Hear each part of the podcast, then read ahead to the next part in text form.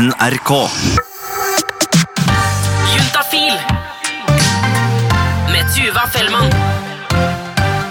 Min store utfordring når det kommer til det å gå til legen, det er ikke at jeg blir nervøs for hva legen vil tro eller tenke om meg. Jeg tenker at jeg har nok sikkert sett verre før uansett. Jeg som Juntafil-programleder jeg sliter med at jeg har for mange spørsmål. Altså Jeg lurer på for mye til at en liten sesjon på ti minutter skal liksom dekke det. Og så er det jo det da som er så deilig, at jeg er jo programleder her, så det vil jo si at jeg kan faktisk organisere sånn at jeg kan stille alle disse spørsmålene. Og det er det vi skal gjøre nå, min venn. Spørsmål som har kommet inn på juntafil.no som dreier seg rundt kvinnen, jenta, transkvinnen, innovertissen, puppene, håret, eggene, hormonene, lårene. Alt sammen. Det blir kvinnebonanza her i Juntafil i dag. Velkommen skal du være. Jeg skal selvfølgelig ikke stå for svarene. Jeg viderebringer dine spørsmål.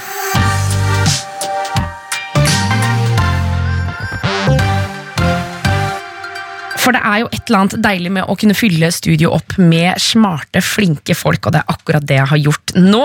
Eh, Jeg har fått besøk av Ellen Støkken Dahl, som har skrevet bok sammen med Nina Brochmann, Gleden med skjeden, og nå ute med jenteboka. Velkommen til Juntafil. Tusen takk.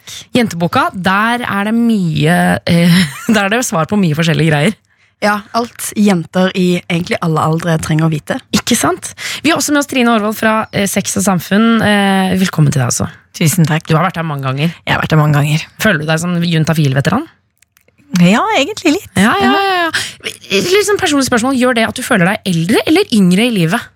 Du vet hva, Når man jobber med det som vi jobber med, og bare omgås unge mennesker eh, på jobben, så, så føler jeg meg egentlig ganske ung hele tida. Ja, gjør du det? Jeg gjør det. Ja, ikke sant? Så du blir på en måte blir litt sånn yngre til sinns? Ja, jeg føler det, men det er noen ganger da når jeg liksom snakker med dem og jeg, 'Å, skal du på Roskilde? Så gøy! Der var jeg for 20 år siden.' Da da blir det verre. Liksom. Men det er jo det som er fint eh, når man sitter med masse masse erfaringer og svar. Og i dag så skal vi ta for oss spørsmål som har kommet inn fra jenter, om jenter eh, og kvinner. Jeg lurer på om vi kan ta en runde på definisjonen. Altså, hva, Ellen, hva er en kvinne? Åh, hva er en kvinne? Det er jo komplekst. Altså, Nina og jeg i bøkene våre har en sånn tredelt beskrivelse av hva kjønn er. Altså at Kjønnet du tilhører, eh, defineres eh, både av den kroppen du har, de genene du har, altså om du er eh, genetisk sett jente eller gutt, og så også selvfølgelig identiteten din. Og For eh, de fleste av oss så stemmer de faktorene overens. Da er man en jente i hodet med en jentekropp. Men for noen av oss så er det sånn at man ikke nødvendigvis er den er det kjønnet som eh, kroppen man har. At man har en annen identitet i hodet enn kjønnet i kroppen. Og da er man en transperson. Ja, for, altså sånn, eh, for eksempel altså være kvinne med penis, da. Ja, ja, altså Ikke alle jenter har uh, jentekropp, Ja. rett og slett. Mm. Nettopp! Jeg skjønner. Eh, Trine, hva tenker du om liksom, når, vi, når vi sier ordet kvinne? Altså, sånn, da jeg var liten, så var det veldig tydelig for meg hva det var. Uh, mens nå mener jeg, liksom, føler jeg at det er mer åpnet opp. Det er et større begrep. Har vi endret liksom, måten vi bruker ordet kvinne på? Jeg håper det. Uh, Det hadde jo vært veldig fint. Eh, Jeg syns at det er på tide vi begynner å åpne opp disse små boksene vi driver og putter mennesker opp i hele tiden, eh, og heller stiller dem opp på hylla vår i en lang rekke med mange forskjellige varianter, og ser på det som er veldig fint at det finnes mangfold. Ja. Eh, For det, det er utrolig mange måter å være kvinne og jente på. Også hvis du går ut ifra den genetiske at man har eh, en jentekropp, så finnes det også veldig mange måter å være et menneske på. Så det er fint at vi kan begynne å plukke vekk disse boksene, og så åpne opp for mangfold istedenfor. Ja. Men så er det, jo, det er jo noen som syns det er deilig med disse boksene. At man på en måte har en å forholde seg til. Er det greit å ha de hvis man vil ha de?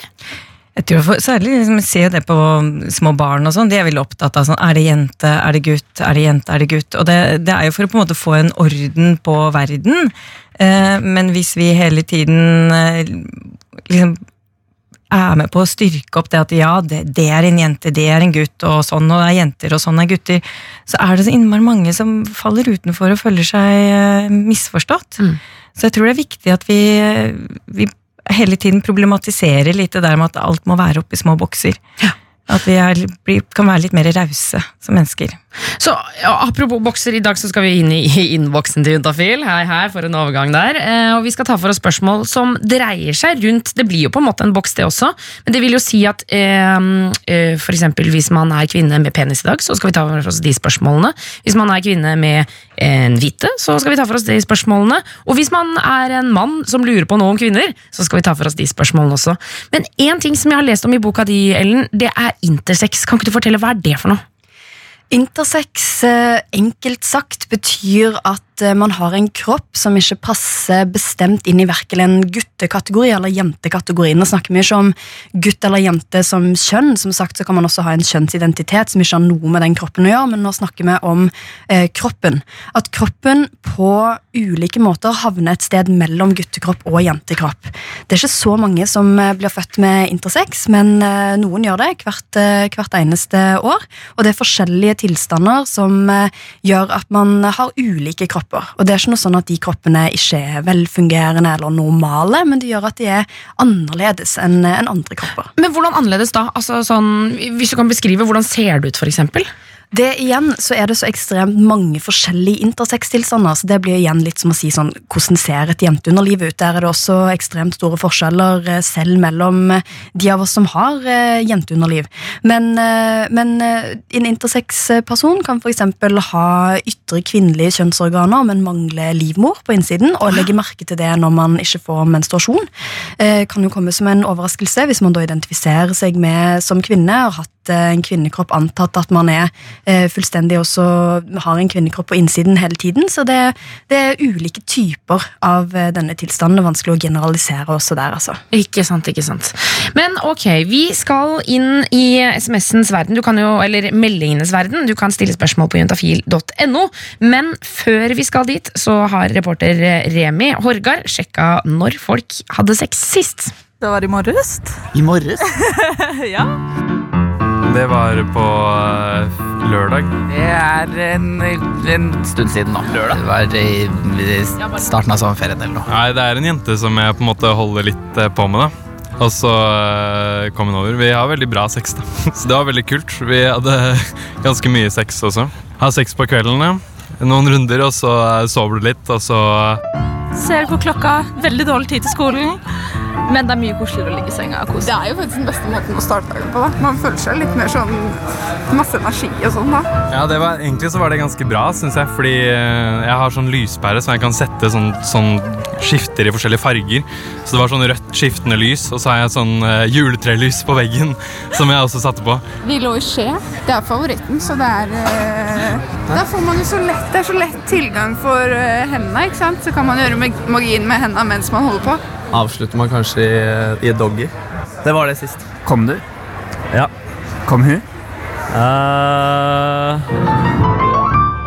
Eh, så, og så satte jeg på en eh, litt sånn kul spilleliste. Du får jo Du kan liksom få sexen til å Du tolker musikken, da. Altså, Elvis er litt uh, morsomt, da. For da er det litt fart, liksom. Men så blir det litt morsomt samtidig. Men vi liker å ha sex eh, til radio. Det har jeg funnet ut av. Så pene i retro er faktisk veldig bra til å ha sex til. Uh, kan jeg anbefale. Det er ikke dumt det da, å kjøre på litt uh, sånn gode gamle klassikere til ligginga. Jeg synes det var mange gode tips her. Juletrelys og Ja, ja fordi nå, og nå skal vi jo inn i en periode med mye juletrelys, og det er satt opp for god stemning, liksom. Eh, vi har fått inn et spørsmål på juntafil.no hvor det står Hei, juntafil. Jeg er en jente på 16 år. Har lenge lurt på om jenter også kan ha våte drømmer. Da jeg var 13-14 år, våknet jeg ofte med at jeg var veldig våt om morgenen. Det rant litt væske ned mellom beina, og derfor ble det litt vått i senga. Kom ofte, eller har kommet i søvne også, eh, av en drøm en gang. Eh, kan også komme ved å bare stimulere to-tre minutter. Er dette vanlig for jenter? Ja. Ja. Ja. Åh, deilig svar! Enkelt og greit. Det er vanlig for jenter. Ja, altså Hvor vanlig det har jeg ikke noe data på, men det man vet, er at eh, alle jenter, akkurat som gutter, har spontane ereksjoner eh, hver eneste natt. Våkner også med eh, morgenereksjon, altså morgenbrød. Fordi jenter har jo klitoris som tilsvarer gutters penis, som også blir erigert. Og det er studier hvor man har målt hvordan klitoris liksom eh, sveller og får ereksjon spontant i løpet av døgnet. Så det vet man at det skjer med jenter, og man vet at at eh, mange jenter får orgasme i søvne, og man vet at jenter, akkurat som gutter, har drømmer med seksuelt innhold. Ja, så, så, for Vi har jo vanligvis liksom egentlig bare snakka om gutter og våte drømmer, men her er altså god kok på min side også. Ja, jeg tror at vi må bli mer åpne om å snakke om kvinners eh, anatomi og hva som fungerer eh, for de som har klitoris også. Eh, og ikke gjøre så mye forskjell på gutter og jenter. Ja. Men altså sånn, fordi jeg har jo liksom Man tenker jo ofte altså Nå har jeg hørt da, ah, gutter har våte drømmer, og de drømmer om sex. Og det, det, det, det. Hvis man ikke gjør det, hvordan kan vi liksom, er det noen måte man kan begynne å drømme om? altså Ha seksuelle drømmer? Jobbe, liksom Trene seg opp til å ha det? Vet du, hva, hvis man, altså, man må være i et riktig sånn, eh, tankesett, eh, og det gjelder jo også for å få opp lyst eh, generelt. Så det å på en måte kanskje øve seg på å tenke mer på sex, og tenke på hva som man liker og spennende ting, så kanskje man også vil begynne å drømme litt mer om sex. Så det er jo, det er jo en dagsjobbing. Dagsjobbing? Ja, for jeg tenker sånn, Hvis man er stressa på jobb eller skole, så sies det jo sånn du må ikke tenke på det rett før du skal sove, for da på en måte stresser det inn i søvnen din, og da bare ødelegger du alt. Så egentlig så burde man kanskje tenke på sex rett før man skal sove. da Ja, absolutt. Man kan prøve. Ja, verdt et forsøk. vært et forsøk Um, Vi har også fått inn en annen SMS eh, Eller en annen melding hvor det står Hei, Juntafil. Jeg er student. Og som dere vet, studenter trenger penger, og de trenger tid. Jeg har hørt at man kan tjene godt på å selge brukte truser. Er dette egentlig så veldig langt fra innafor? Hilsen fattig student, parentes, ikke Insta-kontoen, 20 år. Så hva tenker dere? Altså, jo, dette er jo et fenomen som man har uh, hørt om. Altså At man selger sine brukte truser. At det er innenfor liksom en sånn slags fetisj, uh, særlig på fetisjsider. Trine, hva tenker du, er det innafor å, å gjøre det? Ja, altså, eh, vi tenker jo litt at hvis det ikke skader deg selv, eller eh, skader noen andre, så er det jo ikke noe som er farlig. Og hvis det er noen som har en fetisj med å få brukte truser, så blir jo de sikkert veldig glad for å få, en, eh, få noen som de kan kjøpe det av. Men man skal tenke seg litt om hvordan eh, Er dette noe som kommer til å plage meg seinere? Hvis man har en sånn ambivalens til det, sånn som hun virker som hun har, Ja. Så må man finne litt ut hvorfor har jeg denne ambivalensen. Eh, Hvorfor syns jeg dette er problematisk? Sånn at man ikke går på en smell seinere. Hva slags smell er det vi snakker om da? liksom? Nei, At man kanskje angrer, eller kanskje går rundt og tenker over hvem er det som har fått mine truser, kanskje syns det er ekkelt, eller altså man måtte eh, ta litt tak i hvorfor er jeg veldig ambivalent til dette her. Ja. Eh, tenker jeg, da. At eh, Finne litt ut av det før man kaster seg på noe, hvis man kjenner at det ikke er helt uh, stuerent. Ja. Men hva gjør de som får trusene i posten? Hva, hva bruker de de til? Jeg vil jo anta at de bruker det i en situasjon hvor de får tenning, kanskje onanere mens de ser på, eller kanskje lukter på, eller gjør andre ting med trusene som gjør at de, de blir tente. Ja. Så, så det, og det er jo greit. Det å ha seksuell tenning på, på undertøy er jo normalt. Det er helt i orden. Men jeg tenker også på spørsmålet fra fattig student her. Eh, penger er alltid en litt sånn farlig motivator, og, og også noe som fordi her er jo ikke motiva, motivasjonen hennes er jo heller ikke at hun skal glede noen seksuelt, eller kanskje hun også hadde fått tenning av det selv. altså Noen kan jo få tenning av å gjøre seksuelle tjenester eller eh, gi andre seksuell glede. Det er jo også en fin, eh, fin motivasjon, så lenge man er med på det og ønsker det sjøl. Men når eh, penger er motivasjonen, så kan det av og til også gjøre at man tenker annerledes på noe enn man ville gjort ellers. Jeg er helt enig med Trine at man skal tenke seg eh, godt om, men i utgangspunktet gjør det man ønsker sjøl. Så er det ingen andre som kan ta den avgjørelsen for fattig student. Ja, ikke sant? Så man må på en måte Ok, så, så tenke liksom litt igjennom. Fordi at, det sånn, sånn, En ting er jo hvordan det føles akkurat nå, men om ti år, for eksempel, eller bare om ett år, hvordan det kjennes ut Altså, jeg, jeg tenker at du må kanskje se for deg at det sitter for en mann og, og sniffer på dine truser og runker til dem, liksom. Ja, for det er jo sannsynligvis det som vil skje. Ja, ja, jeg regner med at ingen kjøper de bare for å ha de liksom liggende Rammer inn på veggen. Jeg tror ikke det. Kanskje i tillegg. Samtidig, men, eh, kanskje. ja, det kan hende, altså. Det er, ikke, det er ikke helt usikkert. Kanskje noen som er veldig gøy å vaske skittent undertøy. Så Ja, ja, ja. Da er det jo en dyr måte å skaffe seg den, uh, fikse den hobbyen på. Men um, for jeg tenker bare sånn uh, Hvis man uh, bestemmer seg for å gjøre dette her, er det liksom noen linjer til prostitusjon her? Det, det er vanskelig å altså sånn, hun, hun spør om hvor nærme det er innafor. Og da er jo igjen spørsmålet hva er det som er innafor? Hvem er det som bestemmer hva som er innafor? Hvilke grenser er det man setter for folks uh, seksuelle liv? Hvilke ting man ønsker å gjøre uh, for seg sjøl og for andre? Nå er Det jo sånn at det er jo ikke ulovlig heller å selge sex i Norge. Det er ulovlig å kjøpe sex. Uh, på hvilken skala dette her skal være, om hun tenker om det er et slags sånn skråplan, om det kan rulle nærmere og bli noe annet seinere. Det er jo umulig å, å si noe om eller svare, svare på. Altså, sånn, som, sånn som jeg ser det, så spør hun nå om det er greit å selge truser, og så sier jeg at det vet hun sjøl. For Ja. den eneste som kan svare på det, er hun.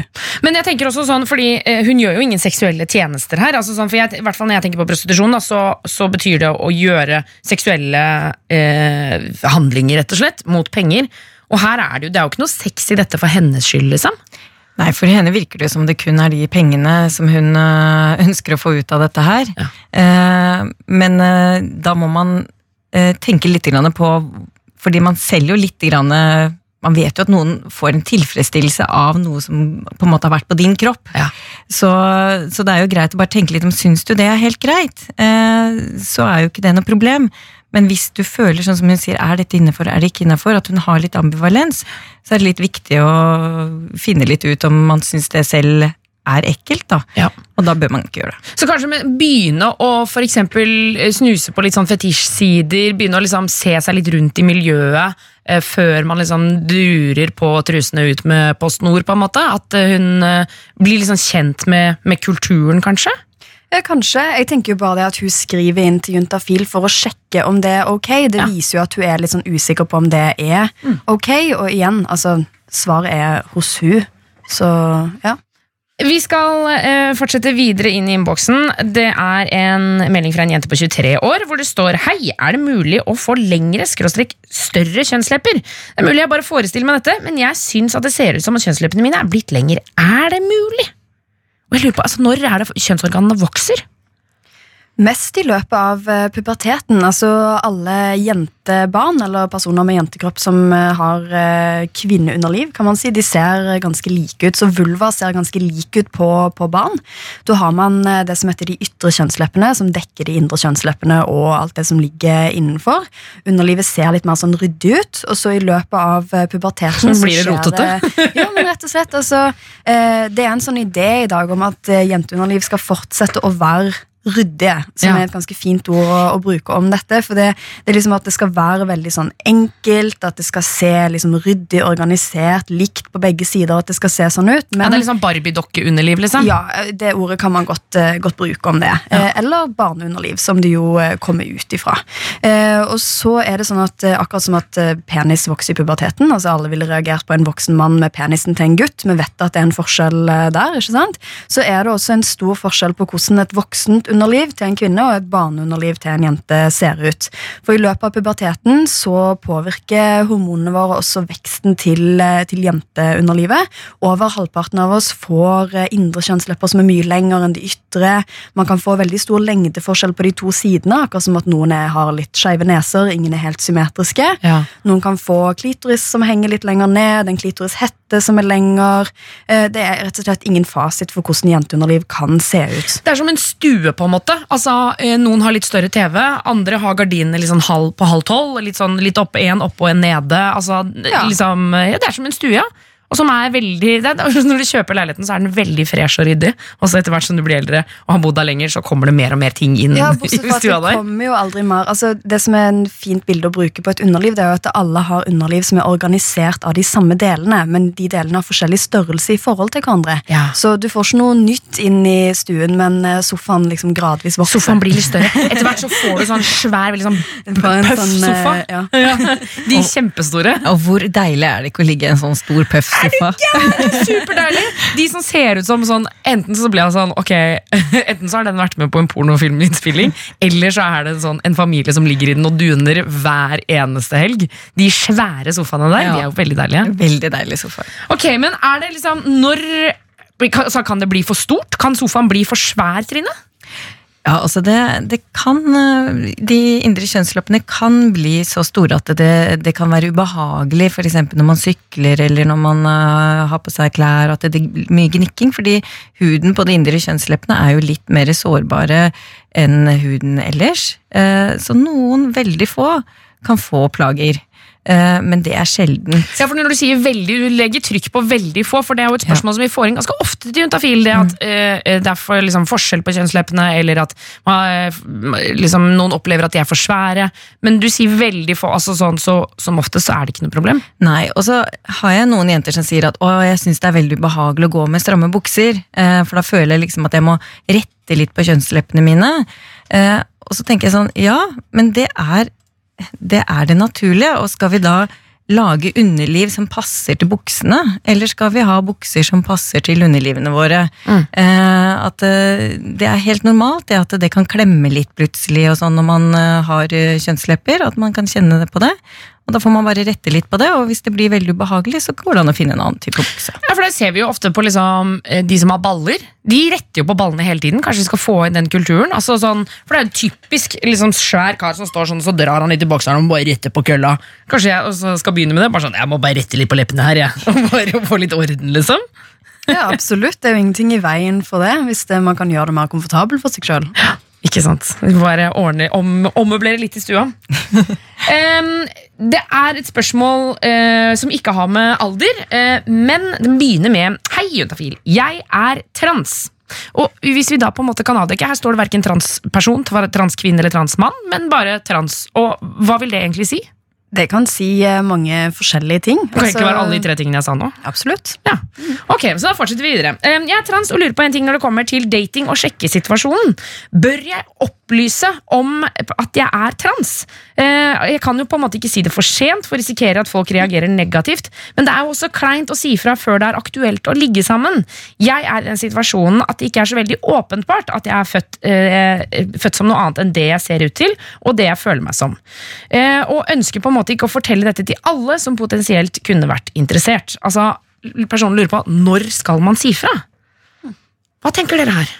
Oh, vet Det er et utrolig vanskelig spørsmål å svare på. fordi det, det handler jo veldig mye om at eh, hvis man møter noen man ønsker å som man liker, så er det jo viktig at eh, man kan få lov til å fortelle historien sin til den personen som man blir godtatt for den man er.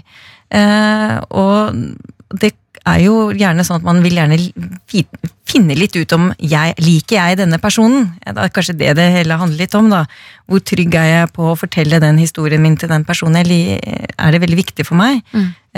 så jeg tenker at hvis det er sånn at de ønsker å ha eh, samleie, og det er noe som må komme fram, eh, så tenker jeg at med en gang du kjenner på det at det, dette her er en person jeg har lyst til å ha inn i livet mitt, så må man vel eh, tenke litt på om det er da man skal slippe Altså fortelle sin historie, da. Men sånn rent konkret, da, si man er på byen eksempel, eh, så er det jo liksom mange stadier i dette sjekkemarkedet, på en måte, men jeg tenker sånn, en typisk ting er jo sånn at man blir stående og snakke over en øl, eh, eller begynner å snakke på dansegulvet, og kanskje man begynner å kline, og så kanskje diskutere skal vi gå hjem til en av hverandre, og så er det på en måte det gå hjem, og så er det ligginga.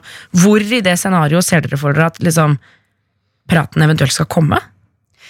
Det, det tror jeg ikke det er noe fasit på. Jeg vet at det er et dårlig svar, og at det ikke svarer konkret på personen som har sendt inn eh, spørsmålet her.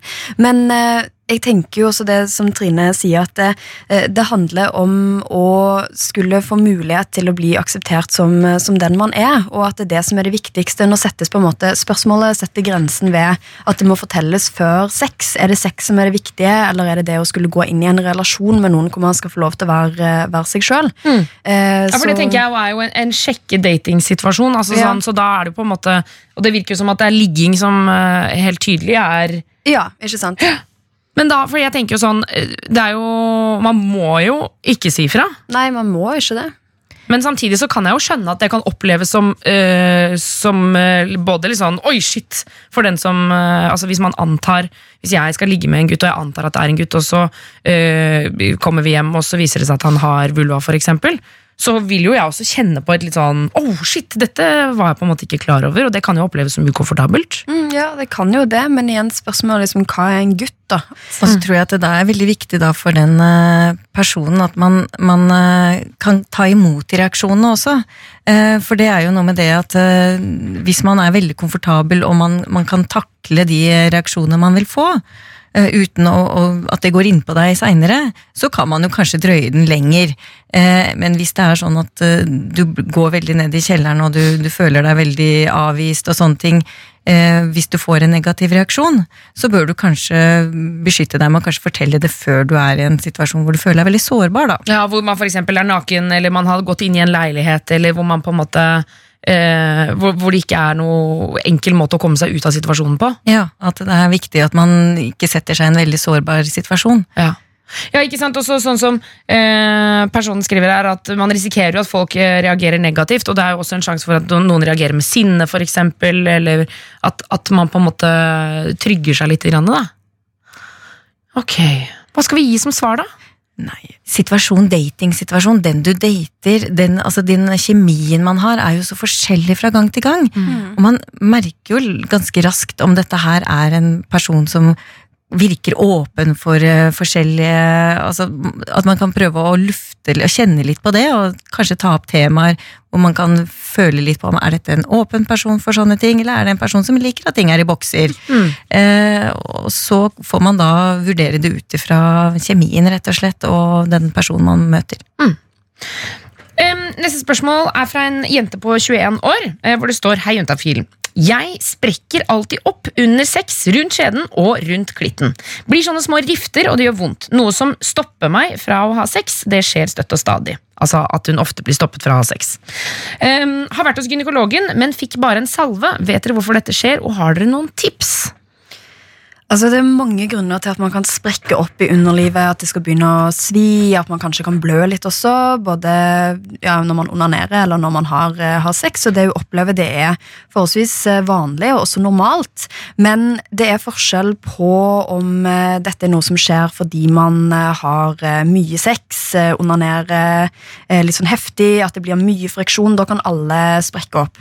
Men så er det noen som har tilstander som gjør at man er mer sårbar for, eh, for disse tingene. Og det kan jo kanskje høres ut som om denne innskriveren eh, har litt sånn ekstra plager. Ja, hva kan det være da? Er det liksom type sopp, da? Eller? Ja, det kan absolutt være, være sopp. Sopp er en av de eh, tilstandene som jeg ville tenkt på først, og, og lett etter først. I tillegg så er det også et spørsmål om eh, hun klarer å bli tilstrekkelig våt før samleie, om hun bruker nok glidemiddel når hun onanerer, eh, om eh, det er eh, også andre tilstander som kan gjøre underlivet mer sårbart. Det er jo type hudtilstander, sånn som An eksem sånn. eksem kan gjøre det, eller at hun reagerer på eh, vaskemiddel eller trangt undertøy. Altså sånn at underlivet er litt sensitivt. da. Det er jo en, altså Slimhinner eh, er jo sensitive deler av kroppen. altså Huden ellers har jo et sånn ekstra beskyttende lag på seg som slimhinner ikke har.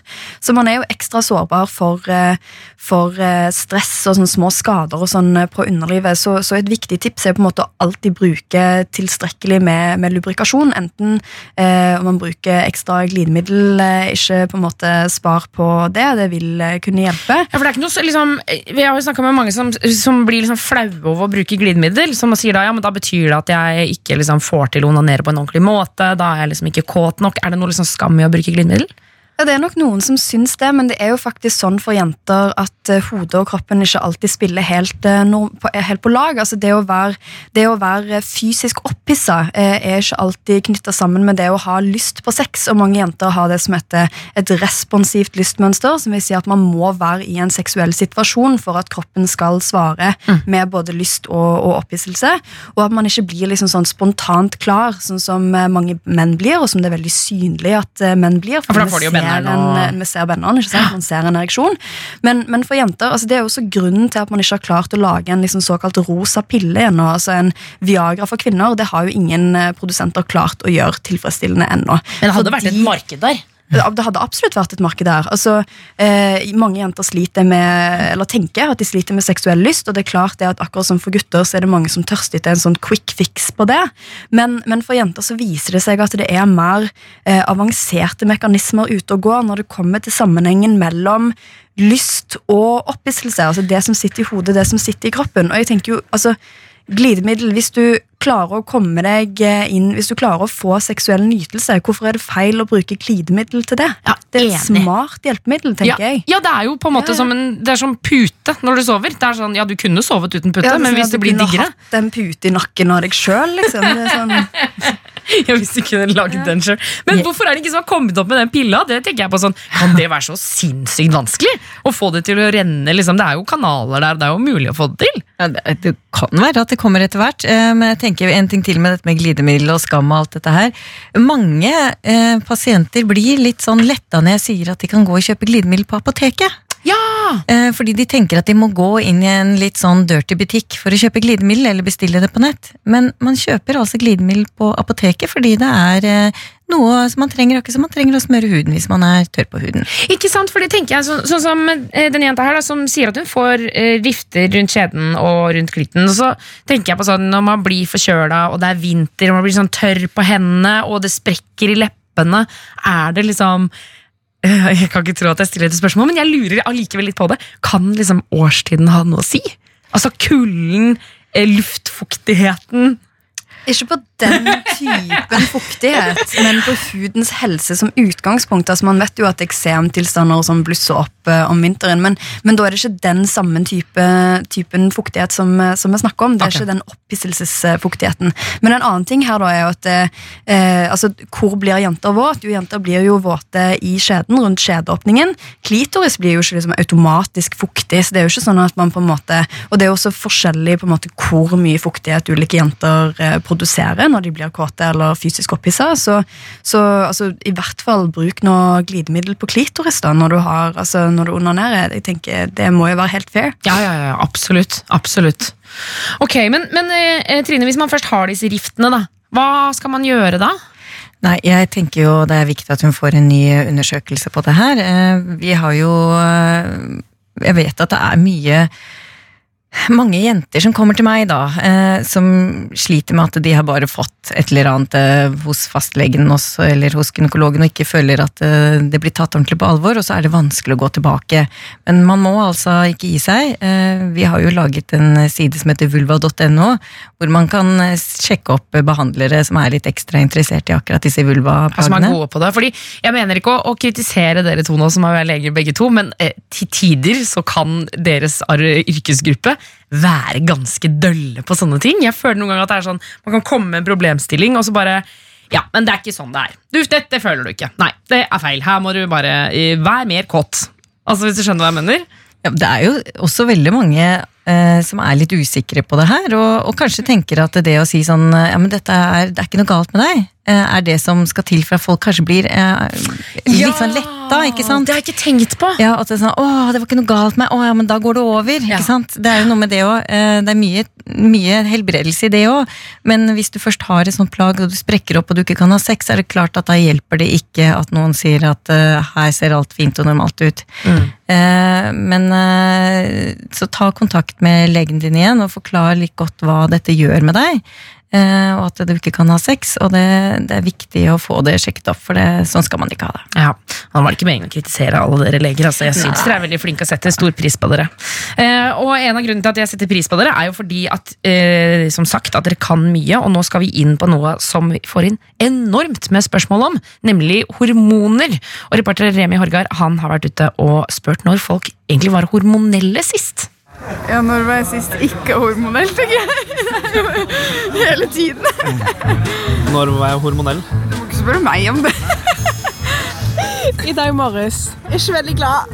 Hva skjedde? Jeg spiste en skje Nutella. Da gikk det bedre. Jeg kan ikke egentlig huske at jeg har vært så veldig hormonell. Eller altså sånn eh, Altså at man blir kåt, liksom. Eller bare kjenne på at det, det kribler. Jeg husker det er sånn mensen-jentegreie. Humørsvingninger eller Jeg fikk ikke til en matteoppgave. Så bare begynte det å komme tårer. Så jeg tapte i et uh, sånn brettspill mot kjæresten min, og da ble jeg ganske pissed, så jeg slo til kjæresten min. Det var ikke særlig snilt, men det gikk bra, da.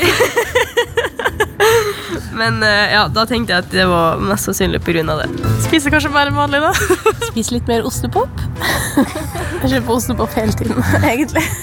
Jeg bruker det egentlig mer som unnskyldning enn at jeg egentlig tenker på at det er det. Kanskje det var min unnskyldning òg til å være hissig. Det er fordi jeg skal få mensen snart.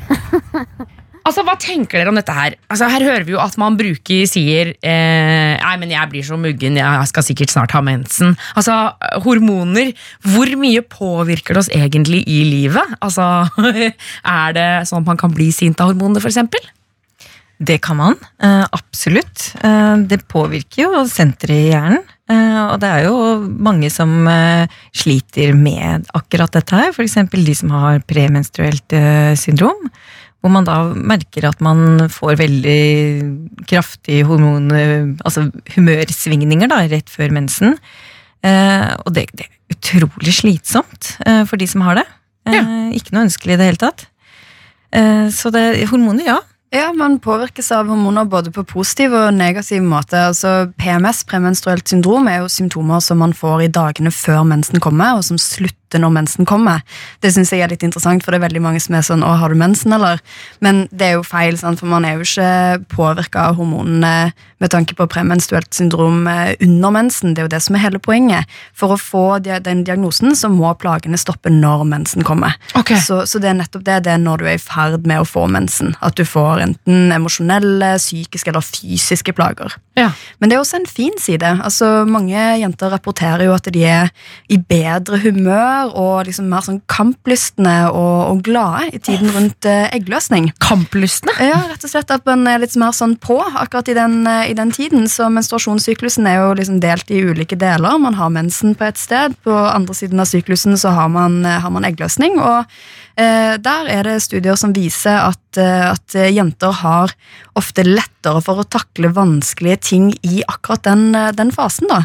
Og da kan man jo typ sånn kanskje planlegge ting som er litt vanskelig, legge det til akkurat de dagene hvis man vet at man påvirkes på den måten. For de aller fleste så er disse svingningene ikke så merkbare. For de aller fleste så vil humøret være eh, forholdsvis uavhengig av dette, men det er jo greit å vite at det som har en mørk side, er også en lys side. Fordi, kan jeg bare si, Da er du next level på planlegging. ass. Når du bare å, her kommer det noe som er litt vanskelig, da legger jeg det der, for da passer det med min syklus. Å, det, å, det skal jeg bli, sånn skal jeg bli, det skal jeg klare. Em, vi har fått inn et eh, spørsmål her eh, fra hvor det står Hei, juntafil. Jeg lurer på hvorfor man blir så utrolig kåt hele tiden når man har mensen. Så der er det jo apropos det positive du sa, men samtidig så kan jeg jo skjønne at det kan oppleves som litt irriterende å være sprengkåt hele tiden når du har mensen. Altså, man, Kan man bli kåt av mensen? Man kan absolutt bli kåt når man har menstruasjon, eh, og det, det er det mange som kjenner på, også gjerne før eggløsning, at man er, kan være litt ekstra opphissa da. Eh, Noen rapporterer også at de blir mer eh, Altså at de har mer lyst etter at de har starta på hormonell prevensjon, og andre rapporterer motsatt, at de mister lyst når de starter opp på hormonell prevensjon. Så hormoner absolutt kan påvirke sexlysten vår. Og, ja. og når vi sier dette her, altså eh, sex underveis i menstruasjonen, det kan man jo helt fint ha. Ja, absolutt. Det er igjen et personlig valg, en smakssak. Ikke sant? Så, så hvis, eh, hvis man for eksempel er fysen, hvis du er kjempegodt da, når du har mensen og har lyst til å ha sex, så er det jo for eksempel det å bare smelle opp et lite håndkle i senga, eller ha sex i dusjen, for eksempel, kan man jo gjøre. Altså, det er mange muligheter her. Ja, hallo. Det er Kan- ikke noen begrensning, det. Kan, eh, kan blodet da nesten fungere litt som et glidemiddel? Ja, altså når det er, når det er vått eh, i skjeden av ulike grunner, så skaper jo det glid. Men, eh, men blod vil jo da, for nå blir det litt sånn konkret, da, men blod vil jo etter hvert eh, størkne, levres, sånn som blod jo gjør. Ja, så koagulere, liksom? Eh, ja, rett og slett. Så når det blir, kommer i kontakt med, kontakt med luft, så det er jo ikke varig glid. altså Glidemiddel er jo laga nettopp for å holde på glattheten over tid. Det er spesielt laga for det.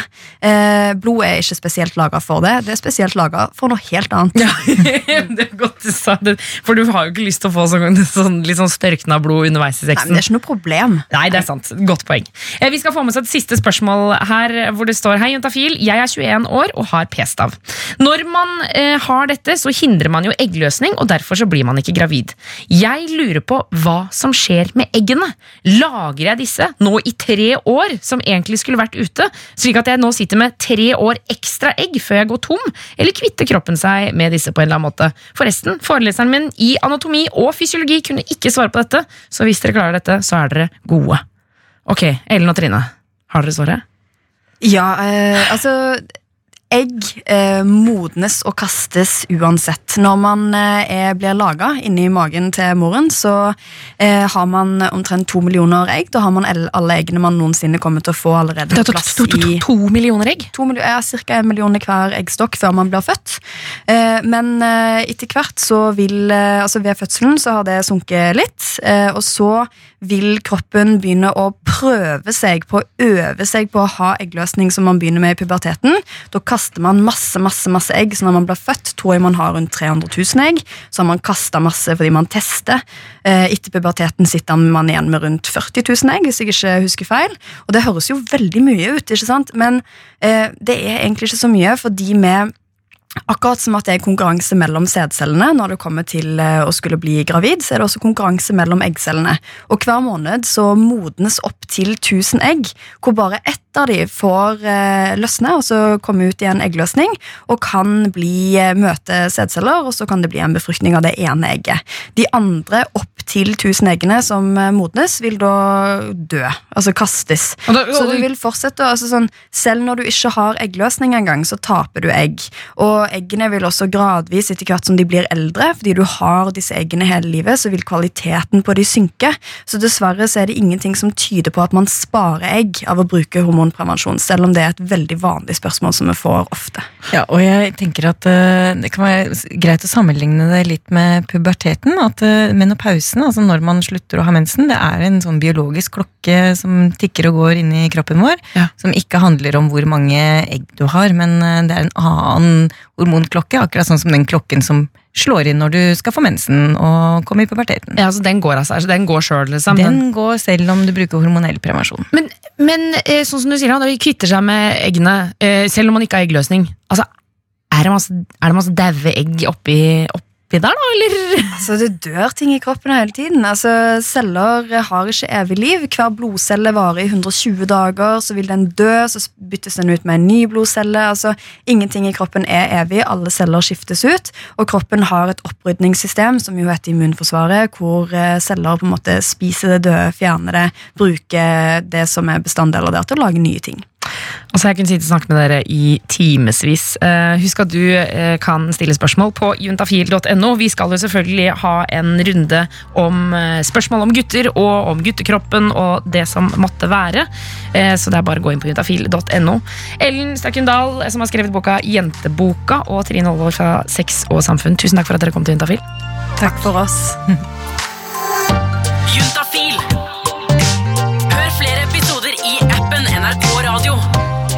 der du hører podkaster.